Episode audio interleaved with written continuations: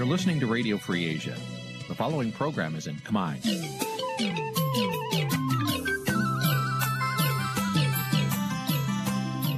នេះជាកម្មវិធីផ្សាយ Vuthu Azizi Serai នេះជាកម្មវិធីផ្សាយរបស់ Vuthu Azizi Serai ជាភាសាខ្មែរ Vuthu Azizi Serai សូមស្វាគមន៍លោកអ្នកនាងទាំងអស់ពីរដ្ឋធានី Washington នៃសហរដ្ឋអាមេរិក ផ្សាយផ្ទាល់ពីរដ្ឋធានី Washington នេះខ្ញុំសុកជីវីសូមជម្រាបសួរលោកអ្នកនាងកញ្ញាដែលកំពុងតាមដានការផ្សាយរបស់ Vuthu Azizi Serai ទាំងអស់ជាទីមេត្រីយើងខ្ញុំសូមជូនកម្មវិធីផ្សាយសម្រាប់យប់ថ្ងៃច័ន្ទ12រោចខែអាសាឍឆ្នាំខាលចត្វាស័កពុរសករាជ2566ចាប់ត្រូវនៅថ្ងៃទី25ខែកក្កដាគ្រិស្តសករាជ2022ចាជាដំបូងនេះសូមអញ្ជើញលោកអ្នកនាងស្ដាប់ព័ត៌មានប្រចាំថ្ងៃដែលមានមេត្តាដូចតទៅ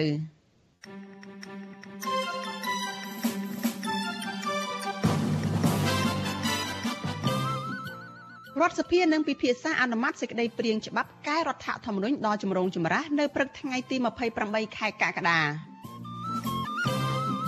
តុលាការខេត្តពោធិ៍សាត់ផ្ដន្ទាទោសកម្មជនគណបកភ្លើងទៀនលោកអុកសាវរិនដាក់ពន្ធនាគារ2ឆ្នាំពីបទបន្លំឯកសារអង្គការសង្គមស៊ីវិលនិងកោតកោបដិសេធការចោទប្រកាន់របស់រដ្ឋបាលក្រុងភ្នំពេញរឿងញុះញង់កោតកោ Nagawal ប្រជាពលរដ្ឋខ្មែរជាច្រើននៅតែព្យាយាមឆ្លងដែនដោយខុសច្បាប់ទៅរកការងារធ្វើនៅប្រទេសថៃរួមនឹងព័ត៌មានសំខាន់សំខាន់មួយចំនួនទៀតចាជាបន្តទៅទៀតនេះនាងខ្ញុំសុជីវីសូមជូនព័ត៌មានទីនេះពិស្ដាចលនានាងជាទីមេត្រីនៅឯខេត្តពោធិ៍សាត់ចាតុលាការខេត្តនេះបានចេញសាលក្រមសម្រាប់ផ្ដន្ទាទោសកម្មជនគណបកភ្លើងទៀនលោកអុកសាវរិនឲ្យជាប់ពន្ធនាគារ2ឆ្នាំនៅក្នុងសំណុំរឿងក្លែងបន្លំឯកសារសាធារណៈ និងប្រើប្រាស់ឯកសារក្លែងប៉ុន្តែក្រមគ្រួសារជនជាប់ឃុំនិងមន្ត្រីសង្គមស៊ីវិលចាត់ទុកសេចក្តីសម្រេចនេះថាអយុត្តិធម៌និងមានចរិតនយោបាយព្រោះតុលាការហាក់ពុំមានភ័ស្តុតាងច្បាស់លាស់នៅក្នុងការចោទប្រកាន់នោះទេចាលោកនាងនឹងបានស្ដាប់សេចក្តីរាយការណ៍នេះនៅក្នុងការផ្សាយរបស់យើងនៅពេលបន្តិចទៀតនេះ ចាជាមួយគ្នានោះនាងខ្ញុំនឹងមានសម្ភារផ្ទាល់មួយជាមួយនឹងកូនប្រុសរបស់លោកអុកសាវរិនចាតកតងទៅនឹងការផ្ដន់ទាទោសលោកអុកសាវរិននេះចាសូមអញ្ជើញលោកអ្នកនាងរងចាំស្ដាប់បទសម្ភារនេះនៅក្នុងការផ្សាយរបស់យើងនៅពេលបន្តិចទៀតនេះ thank you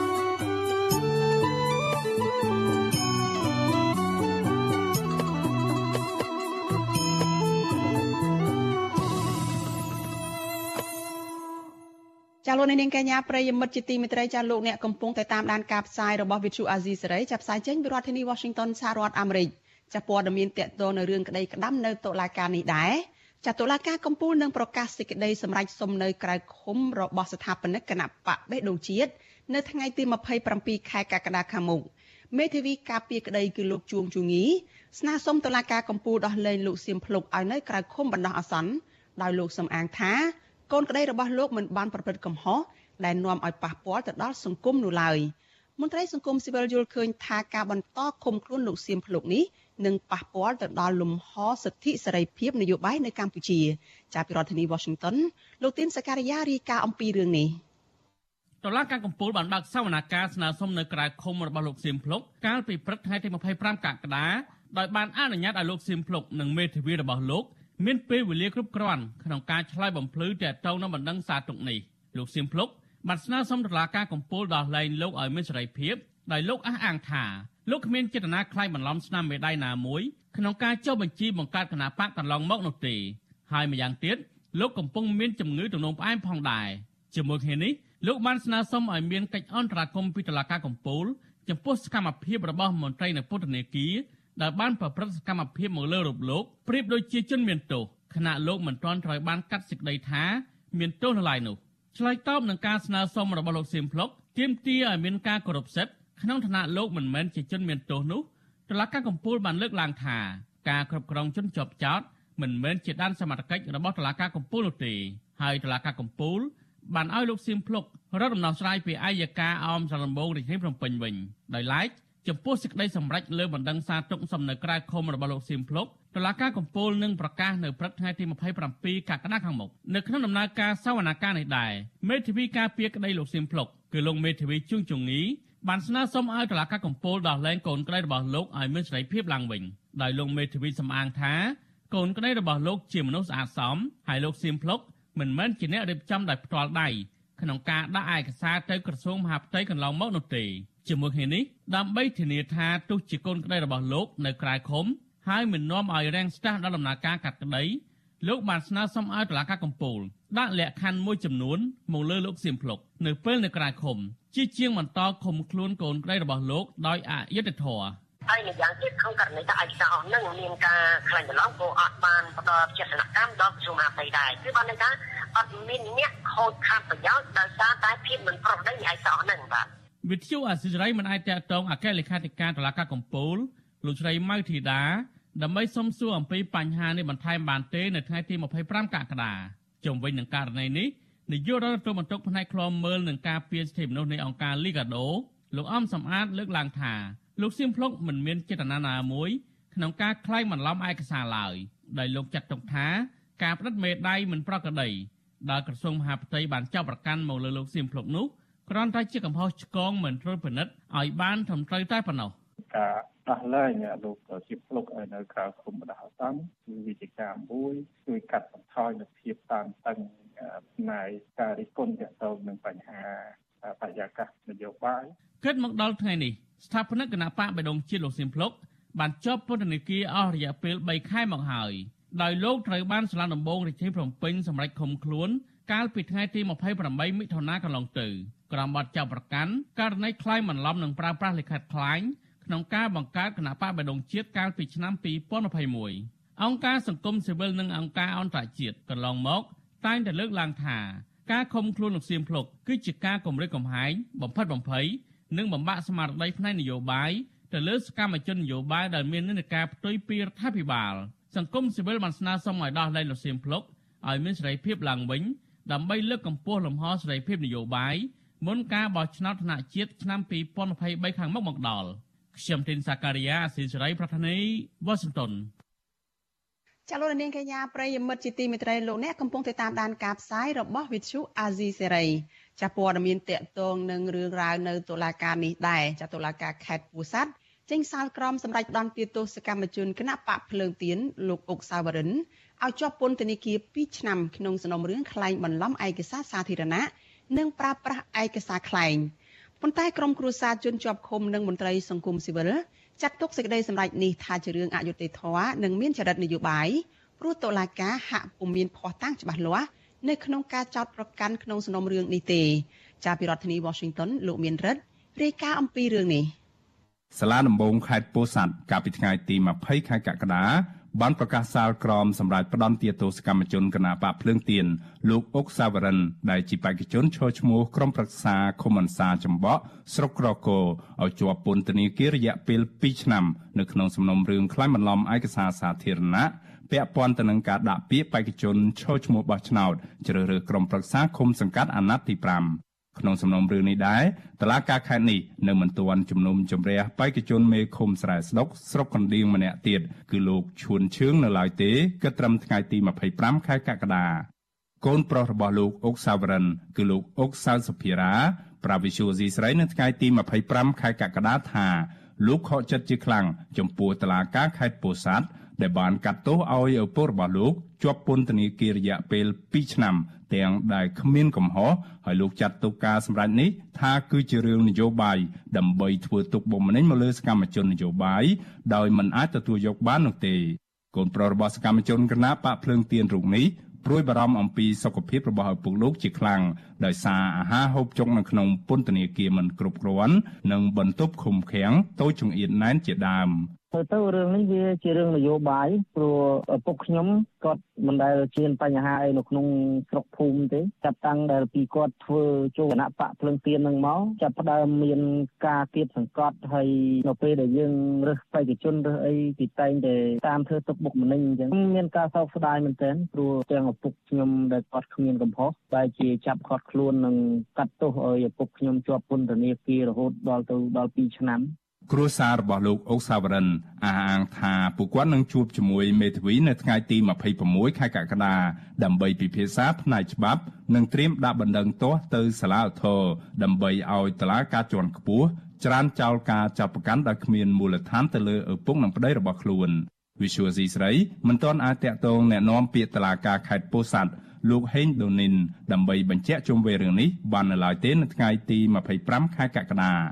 ចាប់តាំងពីខែមីនាមកទល់ពេលនេះអាជ្ញាធរខេត្តពោធិ៍សាត់បានចាប់ខ្លួនសកម្មជនរបស់គណៈបកភ្លើងទៀនដាក់ពន្ធនាគារចំនួន4នាក់ហើយក្នុងនោះលោកឈួនឈឿងជាបេក្ខជនមេឃុំស្រែស្ដុកស្រុកកណ្ដៀងនិងលោកអុកសាវរិន ជាបេក្ខជនក្រុមប្រឹក្សាឃុំអន្សាចំបក់ស្រុកក្រគរដោយចោទប្រកាន់ពួកលោកពីបទក្លែងបន្លំឯកសារសាធារណៈ ចំណែកលោកហែមឆិលគឺជាបេក្ខជនក្រុមប្រឹក្សាឃុំសៀស្រុកកណ្ដៀងនិងកូនប្រុសអាយុ15ឆ្នាំម្នាក់ត្រូវបានចោទប្រកាន់ពីបទប្រើប្រាស់ឧបករណ៍នេសាទខុសច្បាប់ក៏ប៉ុន្តែក្រោយមកក្មេងប្រុសឈ្មោះពឹមដាវ៉ាន់ត្រូវបានសាលាដំបងខេត្តពោធិ៍សាត់ដោះលែងពីពន្ធនាគារវិញកាលពីថ្ងៃទី4ខែឧសភារីឯលោកហែមឆិលត្រូវបានសាលាឧទ្ធរបាត់ដំបងចេញសារដីកាសម្រាប់ដោះលែងឲ្យនៅក្រៅឃុំបណ្ដោះអាសន្នកាលពីថ្ងៃទី21ខែកក្កដា សកម្មជនគណៈបកភ្លើងទៀនលោកហែមឆលប្រាវិសុវស៊ីស្រីថាលោករីករាយពេលមានសេរីភាពជួបជុំក្រុមគ្រួសារឡើងវិញក៏ប៉ុន្តែលោកនៅតែចាត់ទុកករណីនេះថាជារឿងនយោបាយព្រោះលោកគ្មានកំហុសដោយតាមការចោទប្រកាន់របស់តុលាការឡើយលោកហែមឆលបដញ្ញាចិត្តយ៉ាងមោះមុតបន្តសកម្មភាពឥតរាថយជាមួយគណៈបកភ្លើងទៀនតទៅទៀតទោះទទួលរងនឹងការធ្វើទុកបុកម្នេញផ្នែកនយោបាយយ៉ាងណាក៏ដោយក្តី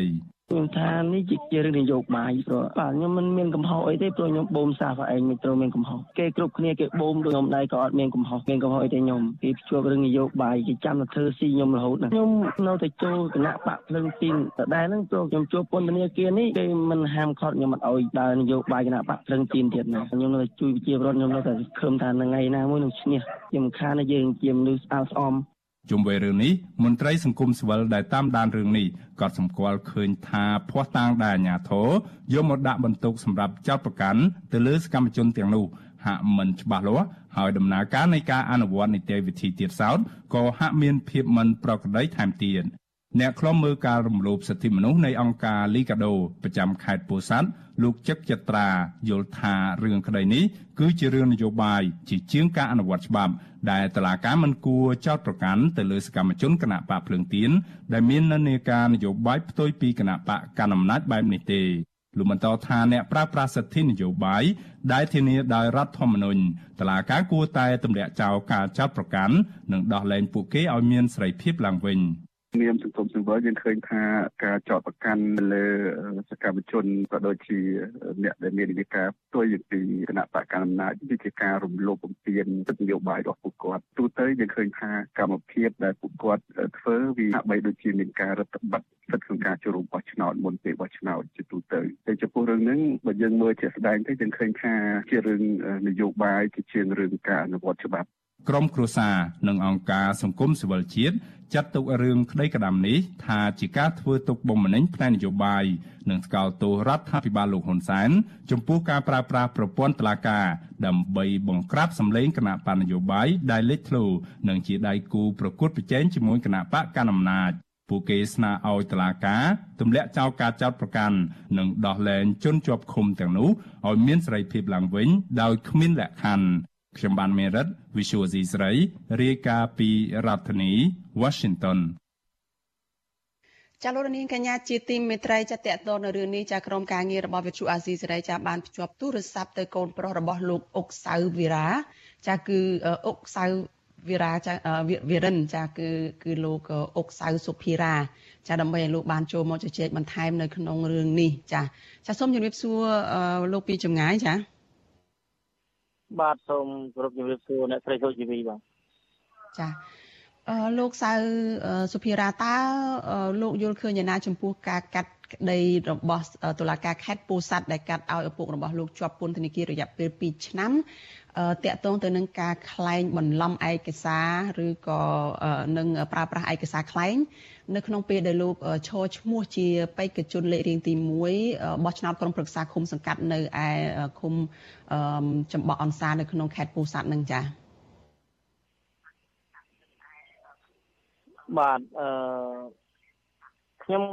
ពិតជាមានការសោកស្ដាយដែលតុលាការកាត់ទោសឪពុកខ្ញុំឲ្យជាប់ពន្ធនាគាររយៈពេល2ឆ្នាំដោយគ្មានកំហុសហើយហេតុម៉េចបានលោកលោកថាគាត់គ្មានកំហុសចាដោយសារតែឪពុកខ្ញុំធ្វើតាមការរើសបេក្ខជនឈរឈ្មោះក្រុមប្រឹក្សាឃុំនឹង ស្របតាមច្បាប់គឺគាត់មិនមានការទៅ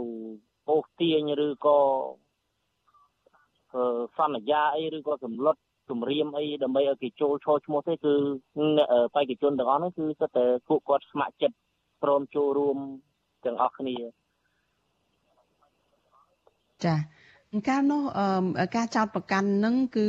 តាក់ទងទៅនឹងដែលឪពុករបស់លោកនឹងបានចុះឈ្មោះបេក្ខជន នៅក្នុងបញ្ជីឈ្មោះបោះឆ្នោតក្រុមប្រឹក្សាឃុំសង្កាត់នឹងហើយបន្ទាប់មក ក៏មានបេក្ខជននឹងបានដកឈ្មោះទៅវិញហើយក៏លោកនឹងថាបានលុបឈ្មោះបេក្ខជននឹងចេញពីបញ្ជីនឹងអស់ហើយប៉ុន្តែហេតុអីបានជានៅតែជាប់មានការចោទប្រកាន់លោកថាប្រើប្រាស់ឯកសារខ្លែងនឹងបន្លំឯកសារតាក់ទងនឹងបេក្ខជននៅដែលចូលរួមការបោះឆ្នោតនឹងចា៎បាទសម្រាប់រឿងហ្នឹងគឺមានបេក្ខជនដែលគាត់សុំដកលាលែងវិញសូមឲ្យដកខាងឪពុកខ្ញុំនិងក្រុមការងារគាត់ក៏បានដកទៅហើយបាទហើយឈ្មោះហ្នឹងគឺអត់មាននៅ ក្នុងបញ្ជីទៀតទេប៉ុន្តែអឺគឺខ្ញុំអត់បានដឹងច្បាស់ថារឿងរ៉ាវហ្នឹងតើអ្នកណាគេជាអ្នកប្តឹងគាត់រកគឺខ្ញុំអត់បានដឹងប្រភពនៃការប្តឹងផ្ដាល់ហ្នឹងដែលគេចោទគាត់ហ្នឹងបាទចា ហើយតើចំពោះស្ថានភាពនៅពន្ធនាគារអីពេលនេះយ៉ាងម៉េចដែរក្រោយពេលដែលបានកាត់ប្រកាសសាលក្រមកាលពីថ្ងៃទី20នឹងមកគឺលោកត្រូវជាប់ពន្ធនាគារ2ឆ្នាំចាំបន្ទាប់ពីចាប់ឃុំខ្លួនកាលពីខែមិនិនានឹងតើស្ថានភាពគាត់យ៉ាងម៉េចបានទៅជួបគាត់ទេឬក៏បានដឹងពីស្ថានភាពសុខទុក្ខគាត់យ៉ាងម៉េចខ្លះទេបាទខ្ញុំបានចូលទៅជួបគាត់នៅក្នុងពន្ធនាគារ កាលពីថ្ងៃទី23ខ្ញុំចូលទៅពេលព្រឹកមើលឃើញស្ថានភាពរបស់គាត់គឺដូចជាត្រុតត្រោមព្រោះការហូបចុកនៅក្នុងពន្ធនាគារគាត់បានប្រាប់មកខ្ញុំគឺពិបាកក្នុងការហូបចុកបាទបាយមហូបគឺតិចហើយមហូបអត់មានជីវជាតិមានតែបន្លែហើយអត់មានត្រីមានអីហើយការសម្រាកទៀតទៅគឺគាត់ពិបាកក្នុងការសម្រាកដោយសារចង្អៀត ហើយគាត់មានអាការៈដូចជាស្ពឹកដៃស្ពឹកជើងប្រពន្ធពេលដែលគាត់ដើរមកចេញមកជួបខ្ញុំហ្នឹងគឺគាត់រៀងស្លុតស្លុតជង្គង់គឺរៀងទន់ចាក្រៅពីនឹងតើមានស្ថានភាពអីផ្សេងទៀតទេលោកមានផ្ដាំផ្ញើអីថាយ៉ាងម៉េចតើមានការភ័យខ្លាច មានការបារម្ភពីសុវត្ថិភាពអីយ៉ាងម៉េចខ្លះទេចាបាទសម្រាប់ខ្ញុំគឺមានការបារម្ភខ្លាំងមែនទែនសម្រាប់ឪពុកខ្ញុំ ពេលដែលឃើញស្ថានភាពគាត់ស្លេកស្លាំងស្គមស្គាំងអញ្ចឹងបារម្ភពីសុខភាពគាត់ព្រោះឃើញកាលដែលគាត់នៅខាងក្រៅនោះគាត់មានសាច់មានឈាមស្រស់ថ្លាដែលដល់ពេលទៅចូលដល់ពន្ធនាគារគាត់ស្គមស្គាំងត្រូវគេកោសក់ពិតជាខ្ញុំមិនដឹងថានិយាយយ៉ាងម៉េចឲ្យនឹងនឹកនឹងរូបភាពហ្នឹងបាទចា ហើយតើមានចំណាយថវិកាអីទៅលើគាត់បញ្ជូនម្ហូបអាហារចំណីអាហារទៅឲ្យគាត់អីដែរទេនៅក្នុងពេលដែលគាត់ជាប់ពន្ធនាគារនឹងតើជីវភាពគ្រួសារនឹងយ៉ាងម៉េចត្រូវរ៉ាប់រកគាត់ដែរឬទេចា៎បាទអឺរាល់ពេលដែលទៅជួបគាត់នឹងម្ដងម្ដងគឺមានអង្ករមានត្រីងៀតហើយធ្វើម្ហូបខ្លះផ្សេងផ្សេងទៀតដាក់ឲ្យគាត់ប៉ុន្តែ ដូចជាទឹកត្រីទឹកអីគឺគេអត់ឲ្យយកចូលទេដោយសារគេថាដបគេឲ្យយើងចាក់ចេញចូលក្នុងថង់តិចតួចគេអត់ឲ្យយើងយកចូលទេហើយជីវភាពវិញគឺមានការខ្វះខាតវាលំបាកព្រោះដោយសារអត់ឪពុកគាត់ពេលដែលគាត់នៅគឺគាត់ជាបង្គោលគ្រួសារពេលអញ្ចឹងយើងបាត់បង់ចំណូលមួយផ្នែកក្នុងគ្រួសារធ្វើឲ្យមានការលំបាកជាខ្លាំងបាទចា តើនៅពេលដែលចាត់ទុកសំណុំរឿងនេះថាជារឿងដែលមានចរិតនយោបាយជារឿងដែលអយុត្តិធម៌សម្រាប់លោកសាវរិននឹងតើក្រុមគ្រួសារនឹងធ្វើអ្វីតទៅមុខទៀតនឹងប្តឹងទាស់ឬក៏ធ្វើយ៉ាងណាទៀតចា៎បាទអឺរឿងបញ្ហាហ្នឹងគឺខ្ញុំអត់ទៅដឹងដែររឿងការប្តឹងជំទាស់អីហ្នឹងព្រោះខ្ញុំបាន សាកសួរទៅលោកមេធាវីដែរប៉ុន្តែគាត់អត់ទាន់បាន ប្រាប់ថាយ៉ាងម៉េចផងចាតើមានជាការផ្ដាំផ្ញើឬក៏មានជាការអំពាវនាវយ៉ាងណាទេចាសូមអញ្ជើញលោកសៅសុភារាចាបាទអឺខ្ញុំសូមអំពាវនាវឲ្យតុលាការដោះលែងឪពុកខ្ញុំ ជាបន្ទាន់ដោយគ្មានលក្ខខណ្ឌព្រោះឪពុកខ្ញុំមិនបានប្រព្រឹត្ត កំហុសដោយអ្វីដែលតុលាការបានចោទមកចំពោះគាត់ទេបាទសូមចាអរគុណច្រើនលោកអឺអុកសៅសុភារាចាដែលបានផ្ដល់សម្ភារនៅយប់នេះចាសូមជូនពរលោកសុខភាពល្អចាជំរាបលាលោកត្រឹមប៉ុណ្ណេះចាបាទបាទអរគុណច្រើនជំរាបលា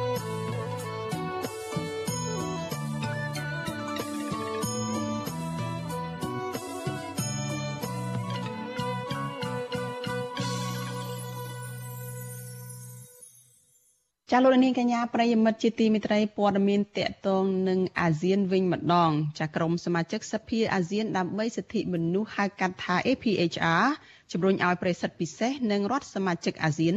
ឲ្យថ្កោលទោសការប្រហារជីវិតលើអ្នកទោសនយោបាយចំនួន4នាក់ដែលប្រព្រឹត្តដោយរបបសឹកខុសច្បាប់ភូមា អតីតរដ្ឋមន្ត្រីការបរទេសថៃនិងជាសមាជិកគណៈកម្មាធិការនយោបាយរបស់ APHR គឺលោកកាស៊ីតភិរមថ្លែងនៅក្នុងសេចក្តីថ្លែងការណ៍របស់ APHR ផ្សាយនៅថ្ងៃទី25ខែកក្កដាថាការមិនគោរពតាមកិច្ចព្រមព្រៀងជាឯកច្ឆន្ទ5ចំណុចដោយរបបសឹកភូមាបង្ហាញឲ្យឃើញយ៉ាងច្បាស់ជាពិសេសនៅពេលដែលរបបនេះបានប្រកាសពីការប្រហារជីវិតលើអ្នកទោសនយោបាយនៅក្នុងពេលពីសប្តាហ៍ក្រោយដំណើរទស្សនកិច្ចរបស់ប្រិយសិទ្ធិពិសេសអាស៊ានស្ដីពីមីយ៉ាន់ម៉ា និងរដ្ឋមន្ត្រីការបរទេសកម្ពុជាលោកប្រាក់សុខុនទៅកាន់ប្រទេសភូមាលោកកាសិតលោកកាសិតភិរមជំរុញឲ្យប្រិសិទ្ធពិសេសនិងរដ្ឋជាសមាជិកអាស៊ាននោះឲ្យថ្កោលទោសអំពើប្រហារជីវិតនេះនិងពិចារណាឡើងវិញពីវិធីសាស្ត្រនៅក្នុងការដោះស្រាយវិបត្តិនៅភូមាលោកថាចំណុចចាប់ផ្ដើមអាចមានដូចជាការដាក់សម្ពាធជាការដាក់ទណ្ឌកម្មជាក់លាក់ទៅលើរបបសឹកភូមានិងការហាមប្រាមមិនឲ្យក្រុមមេដឹកនាំរបបសឹកភូមាធ្វើដំណើរមកជន់ដីតំបន់អាស៊ានជាដើម ក្រុមសមាជិកសភាអាស៊ានដើម្បីសិទ្ធិមនុស្ស APHR បានហៅអំពើប្រហារជីវិតប្រព្រឹត្តដោយរបបសឹកភូមាគឺលើអ្នកទោសនយោបាយចំនួន4រូបថាជាអំពើយងខ្នងនៃប្រព័ន្ធយុត្តិធម៌ដែលជាអនុវត្តដោយរបបសឹកភូមាអ្នកទស្សនយោបាយភូមាទាំង4រូបដែលត្រូវបានរបបសឹកភូមាប្រហារជីវិតនេះសុទ្ធសឹងតែត្រូវចោទប្រកាន់ដោយច្បាប់ប្រឆាំងអំពើភេរវកម្មនៅភូមា ក្នុងនោះរួមមានទាំងតំណាងរាស្ត្ររបស់គណៈបកសម្ព័ន្ធដើម្បីលទ្ធិប្រជាធិបតេយ្យ NLD និងសកម្មជនល្បីឈ្មោះមួយចំនួនទៀត។អំពើប្រហារជីវិតនេះធ្វើឡើងដោយប្រព័ន្ធតុលាការនៃរបបសឹកភូមិនៅពេលនេះគឺជាលើកទី1ហើយចាប់តាំងពីឆ្នាំ1988មកដែលប្រទេសភូមាបានសន្យាថានឹងលុបបំបាត់ចោលនៅទោសប្រហារជីវិតនេះនេះបើយោងតាមអង្គការលើកលែងទោសអន្តរជាតិ អ្នកនាំពាក្យក្រសួងការបរទេសកម្ពុជាលោកជុំសុនតរីប្រាប់វិទ្យុអាស៊ីសេរីនៅក្នុងសារតាមបណ្ដាញសង្គម Telegram យ៉ាងខ្លីនៅល្ងាចថ្ងៃទី25ខែកក្កដាថាកម្ពុជាកំពុងរងចាំប្រតិកម្មពីសំណាក់សមាជិកអាស៊ានទៅនឹងសេចក្តីព្រាងនៃសេចក្តីថ្លែងការណ៍ដែលប្រធានអាស៊ានបានស្នើឡើងកាលពីខែមិថុនាលោកយមត្រីហ៊ុនសែនធ្លាប់បានស្នើដល់មេដឹកនាំរបបសឹកភូមាគឺលោកមានអងលៀងឲ្យពិចារណាឡើងវិញនៅផែនការតន្តិទោសប្រហារជីវិតនេះ និងជៀសវាងការអនុវត្តការកាត់ទោសប្រហារជីវិតដល់អ្នកដែលប្រឆាំងនឹងការដឹកនាំរបស់របបសឹកភូមាអ្នកខ្លាំមើលសកម្មជនភូមាដែលមានឈ្មោះថាជាសហគមន៍ជួយអ្នកទស្សនយោបាយឲ្យដឹងថាចាប់តាំងពីមានរដ្ឋប្រហារដោយក្រមយោធាភូមាកាលពីដើមឆ្នាំ2021មកនោះមនុស្សចំនួន1000ចំនួនមនុស្សចំនួន117នាក់ត្រូវបានតុលាការនៃរបបសឹកភូមាកាត់ទោសប្រហារជីវិតបើតាមអង្គការដដែលនេះពលរដ្ឋភូមាជាង2 ជាង2100នាក់ត្រូវបានសម្លាប់ដោយកងកម្លាំងសន្តិសុខនៃរបបសឹកខុសច្បាប់ភូមានេះ។កម្ពុជានៅក្នុងនាមជាប្រធានបដូវវេនអាស៊ាននៅក្នុងឆ្នាំ2022កំពុងរងការរិះគន់ថាព្យាយាមឲ្យតម្លៃនិងទទួលស្គាល់របបសឹកភូមិខុសច្បាប់ពេញមុខពេញមាត់និងធ្វើរបបនេះអាចបន្តអំណាចខុសច្បាប់បានយូរអង្វែងតទៅទៀតដោយតាមការចង់បានរបស់ប្រទេសកុម្មុយនីសចិនដែលជាសម្ព័ន្ធមិត្តរបស់ប្រទេសរបស់ក្រមយោធាភូមិនេះ។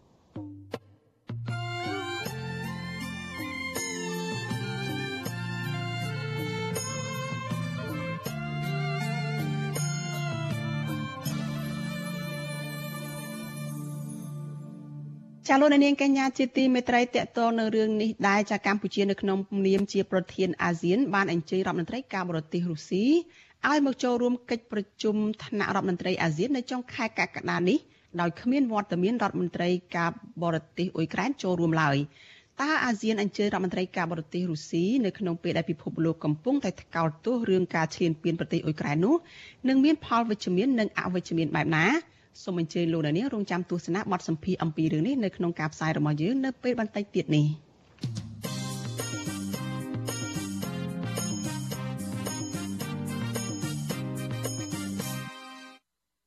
ចាលោកនាងកញ្ញាប្រិយមិត្តជាទីមេត្រីចាយើងងាកមកព័ត៌មានតកតនឹងកោតកម្មរ៉ាំរ៉ៃរបស់ក្រុមកោតក្រនៅក្រុមហ៊ុនបនលបែង Nagavel ឯនេះវិញ ក្រុមអង្គការសង្គមស៊ីវិលព្រមទាំងកោតតកោ Nagavel ចាប់បានចេញមុខបដិសេធទាំងស្រុងចំពោះការចោទប្រកាន់របស់អាជ្ញាធរក្រុងភ្នំពេញទៅលើប្រធានអង្គការសង្គមស៊ីវិល2នាក់ដែលត្រូវចោទប្រកាន់ថាញុះញង់ក្រុមកោតតកោចាពួកគេចាត់ទុកការចោទប្រកាន់នេះថាគ្មានមូលដ្ឋាននិងស្នើឲ្យអាជ្ញាធររកដំណោះស្រាយបញ្ហាចំនួនការងារនេះជាជាងការលៀបពណ៌គ្នាទៅវិញទៅមកចាលោកសនច័ន្ទរដ្ឋារាយការណ៍អំពីរឿងនេះ ប្រធានអង្គការសង្គមស៊ីវិលចំនួន2រួមមានប្រធានសម្ព័ន្ធសហជីពកម្ពុជាអ្នកស្រីយ៉ាងសុផាន់និងប្រធានសមាគមឯករាជ្យនៃសេដ្ឋកិច្ចក្រៅប្រព័ន្ធលោកវុនពៅត្រូវបានរដ្ឋបាលរាជធានីភ្នំពេញចោទប្រកាន់ថាជាអ្នកញុយញងឲ្យក្រុមកុតកោក្រុមហ៊ុនបលបៃ Nagavel ជាង90នាក់ប្រមូលព្រមគ្នាតវ៉ាដែលមានការបុកទម្លាបបារានិងប្រាអំពើងសារលើសមត្ថកិច្ចមានទ្រង់ទ្រាយធំជាងរដងកាលពីចុងសប្តាហ៍កន្លងទៅក៏ប៉ុន្តែការចាប់ប្រកាន់នេះត្រូវបានប្រធានអង្គការទាំងពីរព្រមទាំងក្រុមគឧតកោបដិសេធទាំងស្រុង ហើយចាត់ទុកថាអាញាធរកំពុងព្យាយាមលេបពណ៌ទៅលើពួកគេគឧតកោក្រុមហ៊ុនបលបៃ Nagavel ម្នាក់កញ្ញាជំរដ្ឋាប្រាវិទ្យាអេស៊ីសរ៉េដឹងនៅថ្ងៃទី25ខែកក្កដាថាកញ្ញាមិនយល់ស្របជាមួយការចាប់ប្រកាន់របស់រដ្ឋបាលក្រុងភ្នំពេញលើប្រធានអង្គការសង្គមស៊ីវិលទាំងពីរនោះទេកញ្ញាបន្តថាការធ្វើកតកម្មកន្លងមកនេះគឺការជិះពីការចង់បានយុត្តិធម៌និងការគោរពសិទ្ធិការងារដែលកម្មករគ្រប់គ្នាចង់បានពីតការក្រុមហ៊ុនបលបៃមួយនេះដោយមិនមានការញញងពីជនណាមួយទេ កញ្ញាបានថែមថាបើទោះបីជាការធ្វើកតកម្មកន្លងមកនេះទទួលបានការគ្រប់គ្រងពីអង្គការសង្គមស៊ីវិលទាំងពីរនេះពិតមែនប៉ុន្តែមិនមែនជារឿងចម្លែកទេដោយសារអង្គការទាំងនេះធ្វើការទៅលើការគ្រប់សិទ្ធិការងារនិងសហជីពកញ្ញាស្នើអាជ្ញាធរបញ្ឈប់ការចាប់ប្រកាន់ហើយឈប់រារាំងក្រុមកតកតធ្វើកតកម្មនៅមុខក្រុមហ៊ុន Nagavel ដោយសារពួកគេមានតំណែងជាមួយក្រុមហ៊ុនឯកជនមិនមែនមានតំណែងជាមួយក្រុមអាជ្ញាធររដ្ឋនោះទេ វាមិនមែនជារឿងប៉ັດដោយសារតែខ្ញុំដែលជាកោតកោនៃក្រុមហ៊ុន Nagaver ហ្នឹងគឺយើងអត់មានទំនាក់ទំនងអីជាមួយនឹងគាត់ទេហើយគាត់មកគាត់ចេញមុខជួយគាត់គ្រប់គ្រងពួកខ្ញុំដោយសារតែពួកខ្ញុំធ្វើការងារគឺជាការងារតាក់ទងជាមួយនឹងសិទ្ធិការងារហើយគាត់គឺជាថ្នាក់ដឹកនាំសហជីពធ្វើការតាក់ទងជាមួយនឹងវិស័យការងារដូចគ្នាប្រធានសមាគមឯករាជ្យនៃសេដ្ឋកិច្ចក្រៅប្រព័ន្ធលវនពៅលើកឡើងថាការចាប់ប្រកាន់របស់រដ្ឋបាលក្រុងភ្នំពេញហាក់មិនមានផតតាណាមួយច្បាស់លាស់ បង្ហាញថាលោកជាអ្នកញុយញងក្រុមកុតកោនោះទេលោកបន្តថាក្នុងនាមជាអ្នកខ្លំមើលការធ្វើកតកម្មពីចម្ងាយលោកមិនមានសិទ្ធិអំណាចណាមួយបញ្ជាឬក៏ញុយញងឲ្យក្រុមកុតកោបុកទម្លាបបារាហើយប្រើប្រាស់អំពើសារលើក្រុមសមាជិកនោះទេលោកថាក្នុងនាមលោកជាអង្គការសង្គមស៊ីវិលលោកធ្វើការដោយគោរពទៅតាមគោលការណ៍ច្បាប់ហើយប្រកាន់យកអំពើអហិង្សាជាធំដែលនេះបង្ហាញថាលោកមិនដែលមានបំណងទៅញុយញងឲ្យមានអំពើហិង្សាកើតឡើងនោះទេលោកស្នាញាធោឈប់ចាប់ប្រកាន់លើរបលោក ក៏ដូចជាសហជីពផ្សេងទៀតហើយត្រូវចូលរួមរកដំណោះស្រាយណាមួយសមស្របឲ្យក្រុមកតកតដើម្បីបញ្ឈប់ការធ្វើកតកម្មបន្តទៀតខ្ញុំធ្វើអ្វីអ្វីគឺដោយការគោរពច្បាប់ហើយខ្ញុំស្រឡាញ់អង្គើអហិង្សាហើយខ្ញុំក្នុងនាមជាអ្នកសង្កេតការអត់មានអំណាចអីទៅបញ្ជាអ្នកណាឲ្យធ្វើអ្វីប្រឆាចពីគោលការណ៍ច្បាប់ទេហើយសរុបមួយទៀតគឺអាជ្ញាធររដ្ឋត្រូវដោះស្រាយប្រកបដោយភាពវិជ្ជមានទទួលយកបានទាំងអស់គ្នាចំណែកប្រធានសហព័ន្ធសហជីពកម្ពុជាអ្នកស្រីយ៉ាងសុផាន់ ឲ្យដឹងថាអ្នកស្រីច្រានចោលទាំងស្រុងចំពោះការចាប់ប្រកាន់របស់រដ្ឋបាលក្រុងភ្នំពេញដោយសារអ្នកស្រីត្រឹមតែជាអ្នកខ្លំមើលការធ្វើកតកម្មមិនមែនជាអ្នកញុយញងនោះទេអ្នកស្រីបន្តថាអាញាធរគួរតែជាបកគលឈរនៅកណ្ដាលហើយមានទូនាទីចាំដោះស្រាយបញ្ហារបស់ប្រជាពលរដ្ឋពិសេសនៅពេលជួបរឿងអយុត្តិធម៌ដោយករណីកម្មករ Nagavel ផ្ទុយទៅវិញអ្នកស្រីសង្កេតឃើញថាអាញាធរខ្លួនឯងជាអ្នកតែងធ្វើមានភាពអយុត្តិធម៌កាន់តែធ្ងន់ធ្ងរហើយចូលចិត្តចាប់ប្រកាន់លៀបពណ៌លើប្រជាពលរដ្ឋដែលទន់ខ្សោយជាងខ្លួន។ អ្នកស្រីបន្ថែមថាករណីអំពើហិង្សាក្នុងពេលធ្វើកតកម្មពេលកន្លងទៅគឺមានតែអាញាធននេះដែលជាអ្នកប្រាស្រ័យអំពើហិង្សាវេដំកតករហូតដល់បែកមុខបែកមាត់ដោយមិនឃើញមានអាញាធនណាម្នាក់មានរបួសធ្ងន់ធ្ងរនោះទេអ្នកស្រីចាត់ទុកការចាប់ការរបស់រដ្ឋបាលក្រុងភ្នំពេញថាគ្មានផតាំងច្បាស់លាស់ហើយមានចរិតលេបពណ៌ទៅលើភេកីម្ខាងទៀត ក្នុងនាមអាជ្ញាធរអ្នកមានសមត្ថកិច្ចគួរតែដើរតួនាទីនៅក្នុងការដោះស្រាយវិវាទការងារឲ្យវាបានចប់សពគ្រប់កុំបង្កឲ្យវិវាទនេះវាកាន់តែរីកធំទៅធំទៅវាជាជាងនៅក្នុងការចោតប្រកាន់ឬលៀបពណ៌គ្នាដើម្បីស្ដែងចេញអំពីការការពារទៅដល់ភាគីម្ខាងអ្នកមានលុយភាគីថៅកែភាគីអីហ្នឹងខ្ញុំគិតថាវាជារឿងមួយដែលមិនសមស្របទេពាក់ព័ន្ធបញ្ហានេះវិទ្យុអស៊ីសេរីមិនតន់អាចតតងអភិបាលរាជធានីភ្នំពេញលោកខុងស្រេង និងអ្នកនាំពាក្យរដ្ឋបាលរាជធានីភ្នំពេញលោកមេតមីភក្តីបានណឡៃទេដោយហៅទូរស័ព្ទចូលច្រានដងតែគ្មានអ្នកទទួលការជីមុខបដិសេធរបស់ក្រុមគឧតកោនិងប្រធានអង្គការសង្គមសវននេះបន្ទាប់ពីរដ្ឋបាលក្រុងភ្នំពេញកាលពីថ្ងៃទី23កក្កដាបានចេញសេចក្តីប្រកាសព័ត៌មានថាក្រុមគឧតកោក្រុមហ៊ុន Nagavel ប្រមាណជាង90នាក់បានបន្តប្រមូលផ្តុំគ្នាធ្វើកុតកម្មនៅមហាវិថីសម្ដេចសុធារសចាប់ពីចំណុចផ្សារអ៊ីអនទី1ដល់ចំណុចសួនច្បារមុខសាកលវិទ្យាល័យបៀលប្រាយរដ្ឋបាលក្រុងភ្នំពេញ អះអាងថាក្រុមកុតកោបានដាក់ដង្ហែតាមដងផ្លូវសាធារណៈលើកបដាស្រែកដុល្លារហើយជាប្រមាថលើសមត្ថកិច្ចផ្លុំពេចរវីស្កូហើយបិទចរាចរណ៍មិនឲ្យមានការធ្វើដំណើរឆ្លងកាត់បន្ថែមពីនេះរដ្ឋបាលក្រុងភ្នំពេញបានចាប់ប្រកាន់លើប្រធានអង្គការសង្គមសវត្ថទាំងពីរដោយថាពួកគាត់ជាអ្នកនៅពីក្រោយសកម្មភាពទាំងនេះដោយមានគោលបំណងបង្កើតរូបភាពអវិជ្ជមានដើម្បីតំណាក់កំហុសលើអាញាធរតាមរយៈការលូកដៃចូលយ៉ាងចំហនិងសកម្មពិសេសញញង ក្នុងន័យដកបញ្ឆេះកំហឹងពីសំណាក់ឈ្មោះវុនពៅនិងឈ្មោះយ៉ាងសុផាន់បើទោះបីជាយ៉ាងណាក្នុងលក្ខណៈតបាក្នុងភ្នំពេញមិនបានបញ្ជាក់ពីផតាណាមួយចាប់ប្រកាន់លើប្រធានអង្គការទាំងពីរនាក់នោះនៅឡើយទេនេះមិនមែនជាលើកទី1ទេដែលអាញាធររបបក្រុងភ្នំពេញតែងចោទប្រកាន់លីប៉រហូតដល់ថ្នាក់ចាប់ខ្លួនអ្នកតស៊ូមតិដែលទាមទាររយុត្តិធម៌និងការគោរពច្បាប់ជាស្ដែងករណីក្រុមហ៊ុនបលបៃ Nagavel នេះផ្ទាល់គឺប្រធានសហជីពត្រួតត្រងសិទ្ធិការងារបុគ្គលិកកម្មករខ្មែរ នៃក្រុមហ៊ុន Nagavel កញ្ញាឈឹមស៊ីធត្រូវបានអាជ្ញាធរព្រួតគ្នាចាប់កាលពីថ្ងៃទី4មករា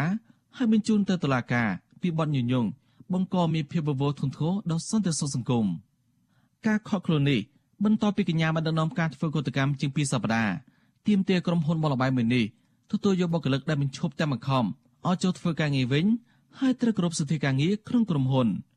បញ្ហារំលោភសិទ្ធិការងាររបស់ក្រុមហ៊ុន Nagavel បានអូសបន្លាយជាង4ឆ្នាំមកហើយ គឺចាប់តាំងពីខែកញ្ញាឆ្នាំ2019មកម្លេះ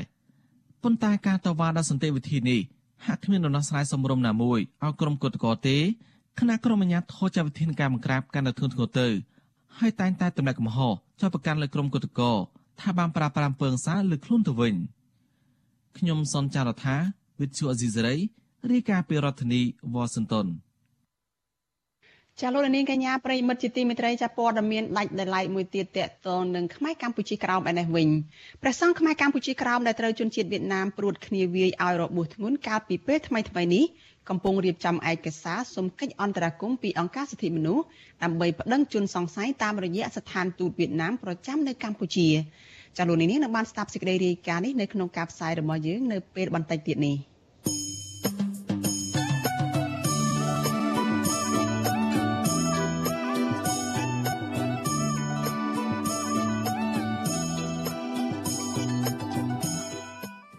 ចាលោកនាងជាទីមេត្រីចាដំណើរគ្នានឹងការផ្សាយផ្ទាល់តាមបណ្ដាញសង្គម Facebook និង YouTube នេះចាលោកនាងក៏អាចស្ដាប់ការផ្សាយរបស់ Vithu Azizi សេរីចាតាមរយៈ Vithu រលកធាតុអាកាសខ្លី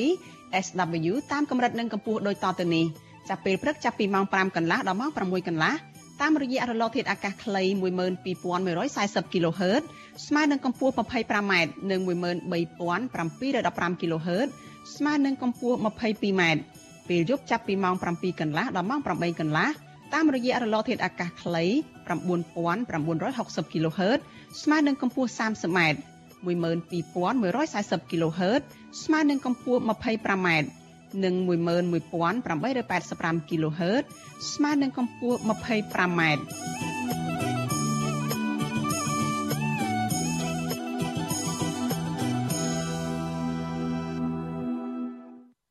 ចាលោកនាងកញ្ញាជាទីមេត្រីចាតកតងនឹងការចាប់បាន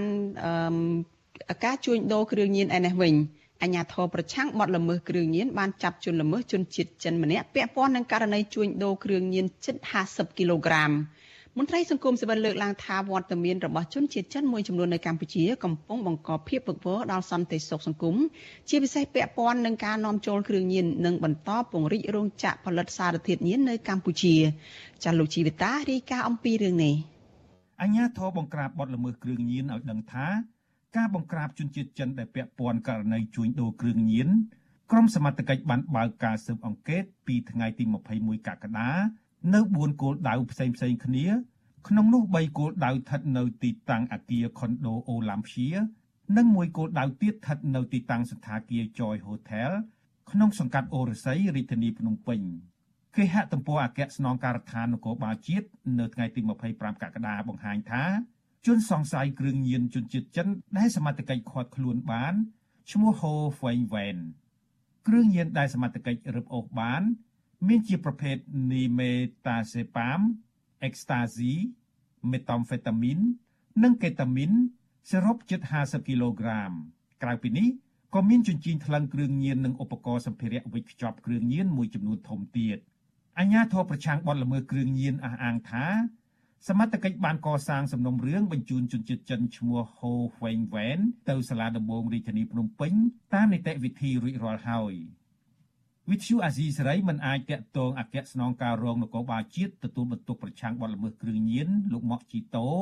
ដើម្បីសុំការបញ្ជាក់បន្ថែមជុំវិញរឿងនេះបាននៅឡើយទេនៅថ្ងៃទី25កក្កដាចំណែកតុលាការក្រុងភ្នំពេញលោកតាំងសុនឡាយ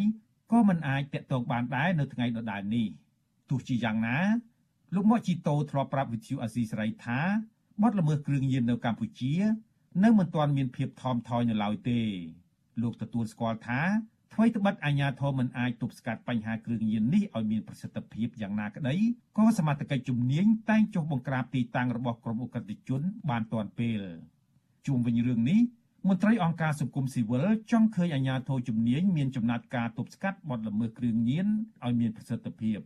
ជាមួយគ្នានេះពួកគេនៅតែបន្តស្នើយ៉ាងទទូចដល់អាជ្ញាធរឲ្យបើកការស៊ើបអង្កេតដោយឯករាជ្យ ដើម្បីចាប់ខ្លួនមេខ្លោងធំធំនិងអ្នកជាប់សង្ស័យពាក់ព័ន្ធក្នុងការជួញដូរគ្រឿងញៀននេះនាយកទទួលបន្ទុកកិច្ចការទូតនៃអង្គការការពារសិទ្ធិមនុស្សលីកាដូលោកអំសំអាត មានប្រសាសន៍ថា លំហូរគ្រឿងញៀនចូលកម្ពុជាច្រើនសន្ធឹកសន្ធាប់កន្លងមកនេះបានបង្កការគំរាមកំហែងដល់សន្តិសុខសង្គមជាពិសេសដល់ក្រុមយុវជន ដែលជាធនធានសម្រាប់អភិវឌ្ឍប្រទេសទៅថ្ងៃអនាគតលោកស្នើដល់អាជ្ញាធរឲ្យពង្រឹងការអនុវត្តច្បាប់លើជនបរទេស ជាពិសេសជនជាតិចិនដែលចេះតែបន្តជួញដូរនិងបើករោងចក្រផលិតគ្រឿងញៀននៅកម្ពុជា។ បញ្ហាគ្រឿងញៀននេះក៏វាសាបព្រោះទាំងទីក្រុងរហូតដល់ជនបទដែលយើងព្រួយបារម្ភខ្លាំងកម្ពុជាយើងយើងឃើញហើយមានការលួចបើកដោយខុសច្បាប់នៃការផលិតគ្រឿងញៀនការនាំគ្រឿងញៀនចូលអញ្ចឹងអ្វីដែលសំខាន់ហ្នឹងគឺការទប់ស្កាត់និងការបង្ក្រាបទៅលើករណីចរាចរណ៍និងការជួញដូរគ្រឿងញៀនជាពិសេសមន្ត្រីទាំងអស់ត្រូវនៅឲ្យឆ្ងាយពីគ្រឿងញៀនត្រូវតែមានការអនុវត្តឲ្យបានតឹងរឹងចំពោះច្បាប់ជាពិសេសគឺការនាំចូលទាំងវត្ថុធាតុដើមដែលជាសារធាតុញៀនហើយនិងគ្រឿងញៀនចូលមកកម្ពុជា ថ្មីថ្មីនេះក្រសួងយុតិធធអះអាងថានឹងខិតខំប្រឹងប្រែងប្រឆាំងអំពើលាងលុយកខ្វក់គណៈអង្គការឃ្លាំមើលការលាងលុយកខ្វក់នៅលើពិភពលោក កាលពីខែមីនាកន្លងទៅ បានសម្រេចបន្តដាក់កម្ពុជាស្ថិតក្នុងបញ្ជីប្រភេទនៃក្រុមប្រទេសមានហានិភ័យខ្ពស់ខាងអំពើលាងលុយកខ្វក់ដែលពិភពលោកត្រូវបង្កើនការតាមដាន។ លោកអំសំអាតយល់ឃើញថាបើកម្ពុជាស្ថិតក្នុងបញ្ជីប្រភេទនិងអាចបន្តស្ថិតក្នុងបញ្ជីខ្មៅនៃប្រទេសលាងលុយកខ្វក់នោះកម្ពុជានឹងមានការប្រឈមបញ្ហាកាន់តែច្រើនទៀតពាក់ព័ន្ធនឹងការអភិវឌ្ឍប្រទេសលោកបន្ថែមថាអញ្ញាធរជំនាញគួរពង្រឹងសមត្ថភាពចំពោះការត្រួតពិនិត្យដល់មន្ត្រីតាមច្រកទ្វារព្រំដែននិងត្រូវមានកម្លាំងអាជ្ញាធរជំនាញចុះត្រួតពិនិត្យនៅតាមរោងចក្រសហគ្រាសជាប្រចាំ ដើម្បីទប់ស្កាត់ជនបរទេសដែលលួចបើករោងចក្រផលិតគ្រឿងញៀននៅកម្ពុជាខ្ញុំជីវិតាអាស៊ីសេរីចាលោកនាងកញ្ញាប្រិយមិត្តជាទីមេត្រីចាលោកអ្នកកំពុងតែតាមដានការផ្សាយរបស់វិទ្យុអាស៊ីសេរីចាប់ផ្សាយចេញពីរដ្ឋធានី Washington សហរដ្ឋអាមេរិកចាព័ត៌មាន ពីពលរដ្ឋនៅតាមព្រំដែនកម្ពុជាថៃឯណោះវិញចាប់ប្រជាពលរដ្ឋខ្មែរជាច្រើននៅតែព្យាយាមឆ្លងដែនដោយខុសច្បាប់ទៅរកការងារធ្វើនៅក្នុងប្រទេសថៃបើទោះបីជាពួកគាត់ដឹងថាប្រឈមនឹងគ្រោះថ្នាក់យ៉ាងណាក៏ដោយក៏ដោយសារតែជីវភាពខ្វះខាត និងពុំមានការងារធ្វើនៅក្នុងស្រុកសង្គមស៊ីវិលយល់ថាមូលហេតុដែលពលករខ្មែរឆ្លងដែនដោយខុសច្បាប់ទៅប្រទេសថៃនេះដោយសារតែពួកគាត់គ្មានប្រាក់ធ្វើលិខិតឆ្លងដែន ពលករខ្មែរលើកឡើងថាមូលហេតុដែលពួកគាត់ចេះតែឆ្លងដែនទៅរកការងារធ្វើនៅក្នុងប្រទេសថៃទាំងប្រថុយនឹងគ្រោះថ្នាក់នោះដោយសារតែក្នុងស្រុកលំបាករកការងារធ្វើឲ្យបានជាប់លាប់ទៀងទាត់ស្របពេលដែលស្រែចម្ការធ្វើបានផលមកគ្មានទីផ្សារលក់កសិផល នៅក្នុងតម្លៃសមរម្យហើយពួកគាត់ក៏កំពុងជំពាក់បំណុលធនាគារវ៉ាន់ក ចាពលករនីធ្វើការនៅក្នុងប្រទេសថៃគឺជាអ្នករៀបចំបន្លែផ្លែឈើដាក់កេះម្នាក់នៅក្នុងខេត្តបឋមធានីលោកស្រីសាវែនអាយុ35ឆ្នាំ មកពីស្រុកពោះក្រឡោះខេត្តបាត់ដំបងទើបតែរស់នៅប្រទេសថៃបានជិត1ខែប្រាប់វិទ្យុអាស៊ីសេរីនៅព្រឹកថ្ងៃទី25ខែកក្កដានេះថាលោកស្រីសម្រេចចិត្តទៅរកការងារធ្វើនៅប្រទេសថៃដោយសារតែផលដំឡូងមីរបស់លោកស្រីលក់បានថោកហើយមិនគ្រប់ដោះស្រាយជីវភាពប្រចាំថ្ងៃ លោកស្រីបន្តថាលោកស្រីបានឆ្លងដែនចូលទៅក្នុងប្រទេសថៃដោយខុសច្បាប់តាមរយៈមេខ្យល់ព្រោះលោកស្រីមិនចង់ធ្វើឯកសាររកការងារតាមរយៈក្រុមហ៊ុន ដែលបង់ប្រាក់ថ្លៃរត់ការច្រើនដំណាក់កាលនិងប្រើពេលយូរលោកស្រីបញ្ជាក់ថាសប្តាហ៍ថ្ងៃលោកស្រីនៅតែមានកង្វល់នៅពេលដែលប៉ូលីសថៃចុះមកឆែកឆេរតាមកន្លែងធ្វើការព្រោះលោកស្រីមិនទាន់មានឯកសារស្របច្បាប់ដើម្បីធ្វើការនៅទីនេះនៅឡើយទេ ធ្វើវាបានតិចពេកចើអត់ធ្វើវាមកណាវាខុសគ្នាស្រុកយើងវាអត់ដូចស្រុកគេជាជនគេសស្រាមជាងគេទៅគេមកគ្រប់តែគ្នាមករកការងារធ្វើបានអញ្ចឹងយើងនៅនោះរកបានដែរប៉ុន្តែអត់ដូចគេចាស្រដៀងគ្នានេះដែរពលករនីម្នាក់ទៀតដែលធ្វើការជាមួយលោកស្រីគឺលោកស្រីភៀបស្រីរតប្រាប់ថាលោកស្រីមិនចង់ទៅធ្វើការនៅប្រទេសគេទាំងខុសច្បាប់បែបនេះទេ ព្រោះពេលចូលទៅធ្វើការត្រូវកាត់វាលកាត់ព្រៃទាំងមិនដឹងទិសតំបន់និងមានគ្រោះថ្នាក់ខ្លាំងដោយសារតែនោះក៏ដោយសារតែជីវភាពខ្វះខាតទើបផ្សងគ្រោះថ្នាក់ដើម្បីទៅរកប្រាក់ដោះស្រាយជីវភាពគ្រួសារ។ ចង់ស្នើឲ្យរាជរដ្ឋាភិបាលថៃបើសិនជាប្រជាជនខ្មែរមកខុសច្បាប់សូមកុំឲ្យចាប់យកទៅដាក់ឃុំឃាំងទុំឲ្យមានការធ្វើបាតធ្វើប៉ាសពតឲ្យហើយឲ្យប្រជាជនខ្មែរមានការងារធ្វើមានអីត្រឹមត្រូវទាំងអស់ជួយមានឲ្យជួយមានការងារធ្វើហើយកុំឲ្យថាកុំឲ្យរើសអើងខ្មែរឬមួយក៏ស្ដីថា ចាស់វិទ្យុអាស៊ីសេរីមិនអាចសូមការអធិប្បាយជុំវិញរឿងនេះពីស្ថានទូតខ្មែរប្រចាំនៅប្រទេសថៃបានទេនៅថ្ងៃទី25ខែកក្កដាដោយទូរស័ព្ទហៅចូលជាច្រើនដងប៉ុន្តែពុំមានអ្នកទទួលរបាយការណ៍របស់ទាហានថៃនៅក្នុងខេត្តស្រះកែវបានឲ្យដឹងថាកាលពីថ្ងៃទី24ខែកក្កដាក្រមទាហានថៃប្រចាំការនៅក្នុងស្រុកអរញ្ញប្រទេសនិងស្រុកតាប្រយ៉ាខេត្តស្រះកែវបានស្កាត់ចាប់ពលរដ្ឋខ្មែរចំនួន33នាក់ ដែលឆ្លងដែនខុសច្បាប់ទៅក្នុងប្រទេសថៃតាមព្រំដែនខេត្តបន្ទាយមានជ័យនៅក្នុងបំណងចូលទៅរកការងារធ្វើនៅខេត្តបឋមធានីខេត្តឈុនបុរី និងខេត្តរយองជុំវិញរឿងនេះមន្ត្រីគម្រោងនៃមជ្ឈមណ្ឌលសម្ព័ន្ធភាពការងារនិងសិទ្ធិមនុស្សរបស់អង្គការសង្ត្រាល់ប្រចាំនៅក្នុងប្រទេសថៃគឺលោកលឹងសុផុនលោកឲ្យដឹងថាអំឡុងរយៈពេលប្រមាណ7ខែនៅក្នុងឆ្នាំ2022នេះពលករខ្មែរដែលឆ្លងដែនខុសច្បាប់ទៅប្រទេសថៃនោះមានប្រមាណ2000នាក់ ដែលត្រូវបានក្រមទាហានថៃនៅតាមបណ្ដោយព្រំដែនចាប់ខ្លួនបានលោកលើកឡើងថាមូលហេតុដែលពលករខ្មែរឆ្លងដែននេះដោយសារតែពួកគាត់មានជីវភាពកាន់តែលំបាកទៅពិបាករកប្រាក់ចំណូលគឺរកប្រាក់ចំណូលមិនបានគ្រប់គ្រាន់ទប់ទល់នឹងប្រាក់ចំណាយហើយពេលពួកគាត់ចង់ទៅប្រទេសថៃស្របច្បាប់គឺត្រូវបង់ប្រាក់ច្រើនហើយមកការបំពេញបែបបទនោះទៀតសោតគឺប្រើពេលវេលាយូរទើបធ្វើឲ្យពួកគាត់ហ៊ានប្រថុយប្រឋានចូលទៅក្នុងប្រទេសថៃទាំងគ្រោះថ្នាក់បែបនេះ។ វាអាស្រ័យទៅខាងថៃអញ្ចឹងបងហើយណាមួយទៀតតដល់ខាងរដ្ឋាភិបាលថៃគេអនុលោមទៅយើងក៏បានទៅតែផ្ទុយទៅវិញខាងរដ្ឋាភិបាលខ្មែរយើងហាក់បីដូចជាមិនសូវមានប្រសិទ្ធភាពទេក្នុងការវិធានការបែបសម្របសម្រួលឲ្យបងប្អូនពលករខ្មែរធ្វើយ៉ាងណាឲ្យពួកគាត់មានភាពងាយស្រួលក្នុងការឆ្លងដែនចូលមកថៃហើយក្នុងការគាត់ធ្វើឯកសារផ្សេងៗអញ្ចឹងណា ចាប់បច្ចុប្បន្ននេះមានស្ថានទូតមានស្ថាប័នពាក់ព័ន្ធនិងអង្គការសង្គមស៊ីវិលមួយចំនួនដែលធ្វើការតាក់ទងនឹងការគ្រប់គ្រងពលករចំណាក់ស្រុកក្នុងនោះមានទាំងស្ថានទូតថៃប្រចាំស្ថានទូតខ្មែរប្រចាំនៅប្រទេសថៃផង បានចុះទៅអប់រំដល់ពលករចំណាក់ស្រុកពីហានិភ័យនៃការឆ្លងដែនខុសច្បាប់ហើយប៉ុន្តែនៅតែមានប្រជាពលរដ្ឋខ្មែរជាច្រើនអ្នកលបឆ្លងដែនចូលទៅក្នុងប្រទេសថៃនោះដដែល មន្ត្រីសង្គមស៊ីវិលយល់ថាដើម្បីដោះស្រាយបញ្ហានេះបានរដ្ឋាភិបាលខ្មែរគួរតែបង្កើនការងារនៅក្នុងស្រុកឲ្យបានច្រើនដើម្បីឲ្យប្រជាពលរដ្ឋរកប្រាក់ដោះស្រាយជីវភាពព្រមទាំងជួយរកទីផ្សារលក់កសិផលនៅក្នុងតម្លៃសមរម្យជូនដល់កសិករនេតិខ្មែរកម្ពុជាក្រោម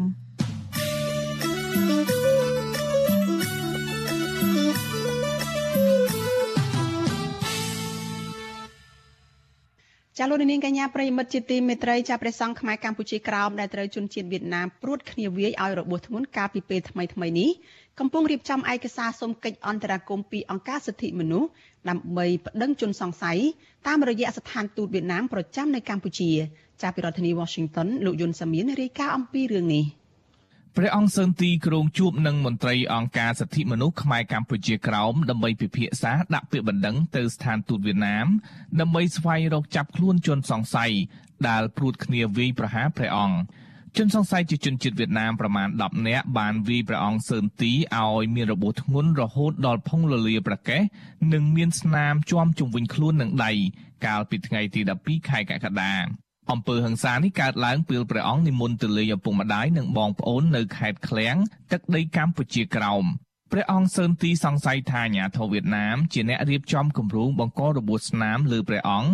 ដើម្បីសងសឹកនឹងព្រះអង្គដែលហ៊ានផ្សព្វផ្សាយព័ត៌មានរិះគន់វៀតណាមតាមបណ្ដាញសង្គម Facebook ព្រះអង្គសឺនទីមានថរណិកាប្រាប់វិទ្យុអាស៊ីសេរីកាលពីថ្ងៃទី24កក្កដាថាព្រះអង្គមិនបានដាក់ពាក្យបណ្ដឹងនៅខេត្តឃ្លៀងក្រោយការវាយប្រហារ ដោយសារតែព្រះអង្គព្រួយបារម្ភពីសុវត្ថិភាពដូច្នេះព្រះអង្គរងចាំពេលនិមន្តមកដល់កម្ពុជាវិញបាទខ្ញុំទំនាក់ទំនងតាមខាងសមាគមស៊ីវិលនៅស្រុកខ្មែរ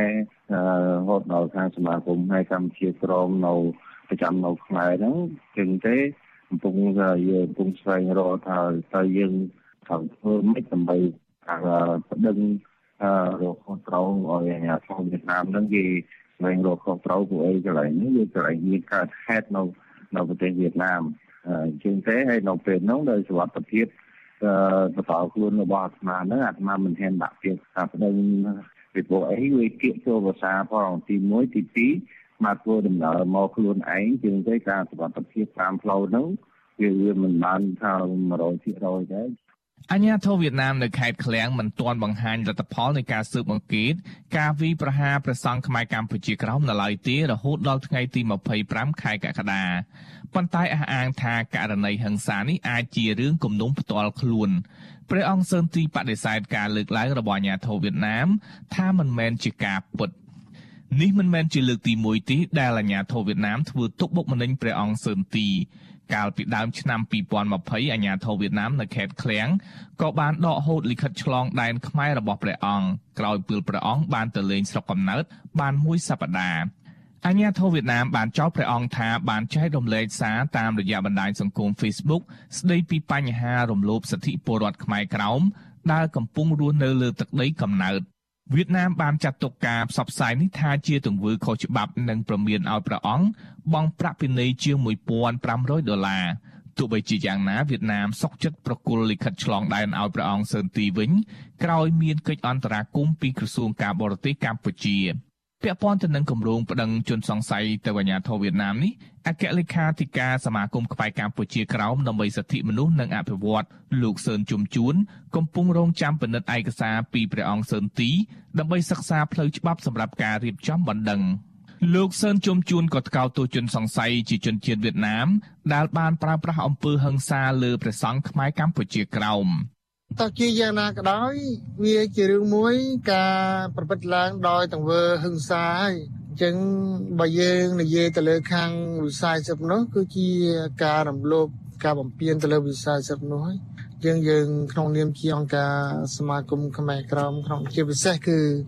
សមាគមខ្មែរកម្ពុជាក្រមដើម្បីសិទ្ធិមនុស្សនិងអភិវឌ្ឍគឺយើងសូមតកល់ទោសចំពោះអាជ្ញាធរវៀតណាមដែលបានប្រព្រឹត្តណារួមសហការគ្នាប្រព្រឹត្តមកលើព្រះអង្គតាមបែបហិង្សានេះគឺវាជាទង្វើមួយដែលវាផ្ទុយទៅនឹងគោលការណ៍ច្បាប់ផ្ទុយនឹងគោលការណ៍សិទ្ធិមនុស្សយើងយើងសូមតកល់ទោសចំពោះរឿងនេះ ស្របពេលដែលព្រះអង្គសឺនទីកំពុងរៀបចំពាក្យបណ្ដឹងប្តឹងជនសង្ស័យវៀតណាមនេះសហព័ន្ធខ្មែរកម្ពុជាក្រោមដែលមានមូលដ្ឋាននៅសហរដ្ឋអាមេរិកក៏បានធ្វើសេចក្តីរាយការណ៍ផ្ញើទៅអង្គការសិទ្ធិមនុស្សនិងក្រសួងការបរទេសអាមេរិកបង្ហាញអំពីទង្វើរបស់វៀតណាម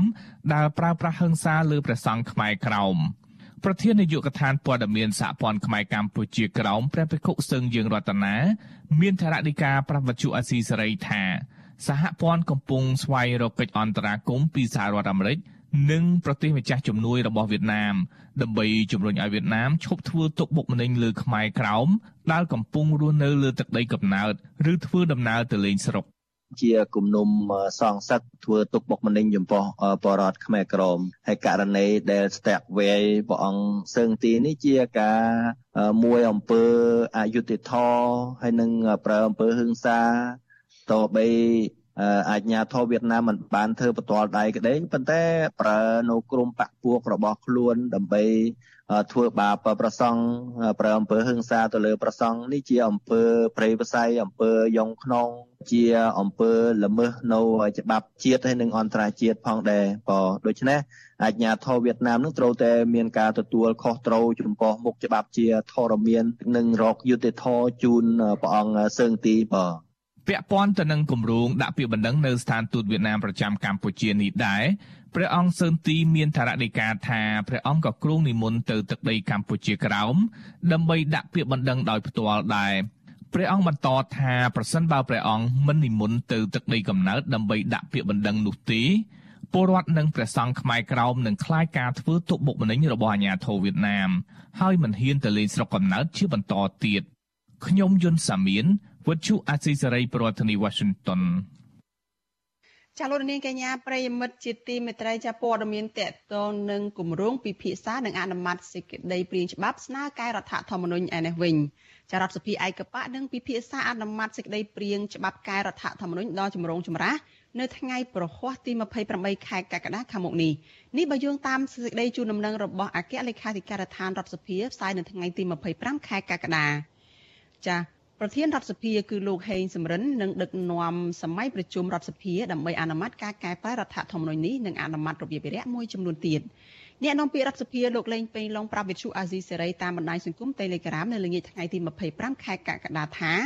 គណៈកម្មការជំនាញរបស់រដ្ឋសភា បានពិនិត្យមើលសេចក្តីព្រាងច្បាប់កែរដ្ឋធម្មនុញ្ញនេះហើយពុំហើយពុំមានការកែប្រែណាមួយទៅលើខ្លឹមសារទាំងស្រុងនៃសេចក្តីព្រាងច្បាប់កែរដ្ឋធម្មនុញ្ញដែលរដ្ឋាភិបាលបានស្នើនោះឡើយ។ បើមិនឃើញមានការប្រកែប្រែទេបាទនឹងនៅខាងគណៈកម្មការជំនាញគេសិក្សាគេបានធ្វើរបាយការណ៍មួយសូមគណៈចន្ទ្រៃដាក់សេចក្តីព្រាងច្បាប់ធម្មនុញ្ញហ្នឹងទៅក្នុងរវិវរៈនៃសម័យប្រជុំពេញអង្គដើម្បីជូនអង្គសភាពិនិត្យនិងអនុម័តបាទចាលោកលេងពេញឡុងអះអាងបន្តទៀតថាគណៈកម្មការជំនាញសភាបានពិនិត្យមើលញត្តិរបស់គណៈបកនយោបាយចំនួន4ដែលជាគណៈបកក្ររដ្ឋាភិបាល ដែលស្នើរដ្ឋសភាទម្លាក់ចោលគម្រោងកែរដ្ឋធម្មនុញ្ញនេះចាប៉ុន្តែលោកថាការសម្រេចយ៉ាងណានោះគឺអាស្រ័យទៅលើអង្គសភាពេញអង្គជាអ្នកបោះឆ្នោតអនុម័តគណៈបកកែរដ្ឋាភិបាលចំនួន4ក្នុងនោះរួមមានគណៈបកភ្លើងទៀនគណៈបកប្រជាធិបតេយ្យមូលដ្ឋានគណៈបកឆន្ទៈខ្មែរនិងគណៈបកកែតម្រង់កម្ពុជា កាលពីថ្ងៃទី21ខែកក្កដាបានដាក់ញត្តិស្នើទៅរដ្ឋសភាសូមអនុម័តលើសេចក្តីព្រាងរដ្ឋព្រៀងរដ្ឋធម្មនុញ្ញតាមការចង់បានរបស់លោកហ៊ុនសែន គណៈបកទាំង4លើកឡើងថាគម្រោងកែច្បាប់កម្ពុជាលើកទី10ពេលនេះជាការកាត់បន្ថយអំណាចរដ្ឋសភា និងបង្កផលប៉ះពាល់ទៅលើបញ្ហាសង្គមជាច្រើនទៀតរដ្ឋាភិបាលបានធ្វើសេចក្តីព្រាងស្នើកែរដ្ឋធម្មនុញ្ញនិងច្បាប់រដ្ឋធម្មនុញ្ញបន្ថែមនិងច្បាប់ធម្មនុញ្ញបន្ថែមចំនួន8មាត្រាដែលអ្នកច្បាប់និងអ្នកនយោបាយក្រៅរដ្ឋាភិបាលរួមទាំងអ្នកវិភាគមើលឃើញថា គឺជាការកាត់បន្ថយអំណាចរបស់រដ្ឋសភាយ៉ាងធ្ងន់ធ្ងរនិងបំពានរដ្ឋធម្មនុញ្ញការការការស្នើកែរដ្ឋធម្មនុញ្ញដែលនឹងបន្ថយអំណាចឬធ្វើឲ្យអំណាចរបស់រដ្ឋសភាដែលមានចែងនៅក្នុងរដ្ឋធម្មនុញ្ញចុះខ្សោយនោះរួមមានការដកយកអំណាចរបស់រដ្ឋសភានៅក្នុងការបញ្ជូនឈ្មោះបេក្ខជននាយករដ្ឋមន្ត្រី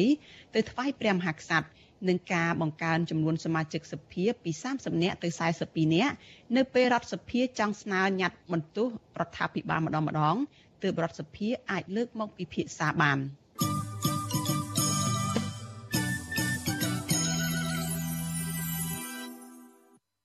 ចាលោកនាងជាទីមេត្រីតុលាការនៅឯខេត្តពោធិ៍សាត់ចេញសាលក្រមផ្ដន្ទាទោសកម្មជនគណបកភ្លើងទៀនលោកអុកសាវរិនឲ្យជាប់ពន្ធនាគារ2ឆ្នាំនៅក្នុងសំណុំរឿងក្លែងបន្លំឯកសារសាធារណៈនិងប្រើប្រាស់ឯកសារក្លែងប៉ុន្តែក្រុមគ្រួសារជនជាប់ឃុំនិងមន្ត្រីសង្គមស៊ីវិលចាត់ទុកសេចក្តីសម្រេចនេះថាអយុត្តិធម៌និងមានចរិតនយោបាយព្រោះតុលាការហាក់ពុំមានភ័ស្តុតាងច្បាស់លាស់នៅក្នុងការចោទប្រកាន់នោះទេចាលោកមានរិទ្ធរាយការណ៍អំពីរឿងនេះ សាលាដំបងខេត្តពោធិ៍សាត់កាលពីថ្ងៃទី20ខែកក្កដាបានប្រកាសសាលក្រមសម្រាប់ផ្ដន់ទាទោសកម្មជនគណបកភ្លើងទៀនលោកអុកសាវរិន ដែលជាបេក្ខជនឈរឈ្មោះក្រុមប្រឹក្សាឃុំអន្សាចម្បក់ស្រុកក្រគរឲ្យជាប់ពន្ធនាគាររយៈពេល2ឆ្នាំនៅក្នុងសំណុំរឿងក្លែងបន្លំឯកសារសាធារណៈពាក់ព័ន្ធទៅនឹងការដាក់ពាក្យបេក្ខជនឈរឈ្មោះបោះឆ្នោតជ្រើសរើសក្រុមប្រឹក្សាឃុំសង្កាត់អាណត្តិទី5 ក្នុងសំណុំរឿងនេះដែរតឡាការខេត្តនេះនៅមិនទាន់ជំនុំជម្រះបេក្ខជនមេឃុំស្រែស្ដុកស្រុកកណ្ដៀងម្នាក់ទៀតគឺលោកឈួនឈឿងនៅឡើយទេគិតត្រឹមថ្ងៃទី25ខែកក្កដា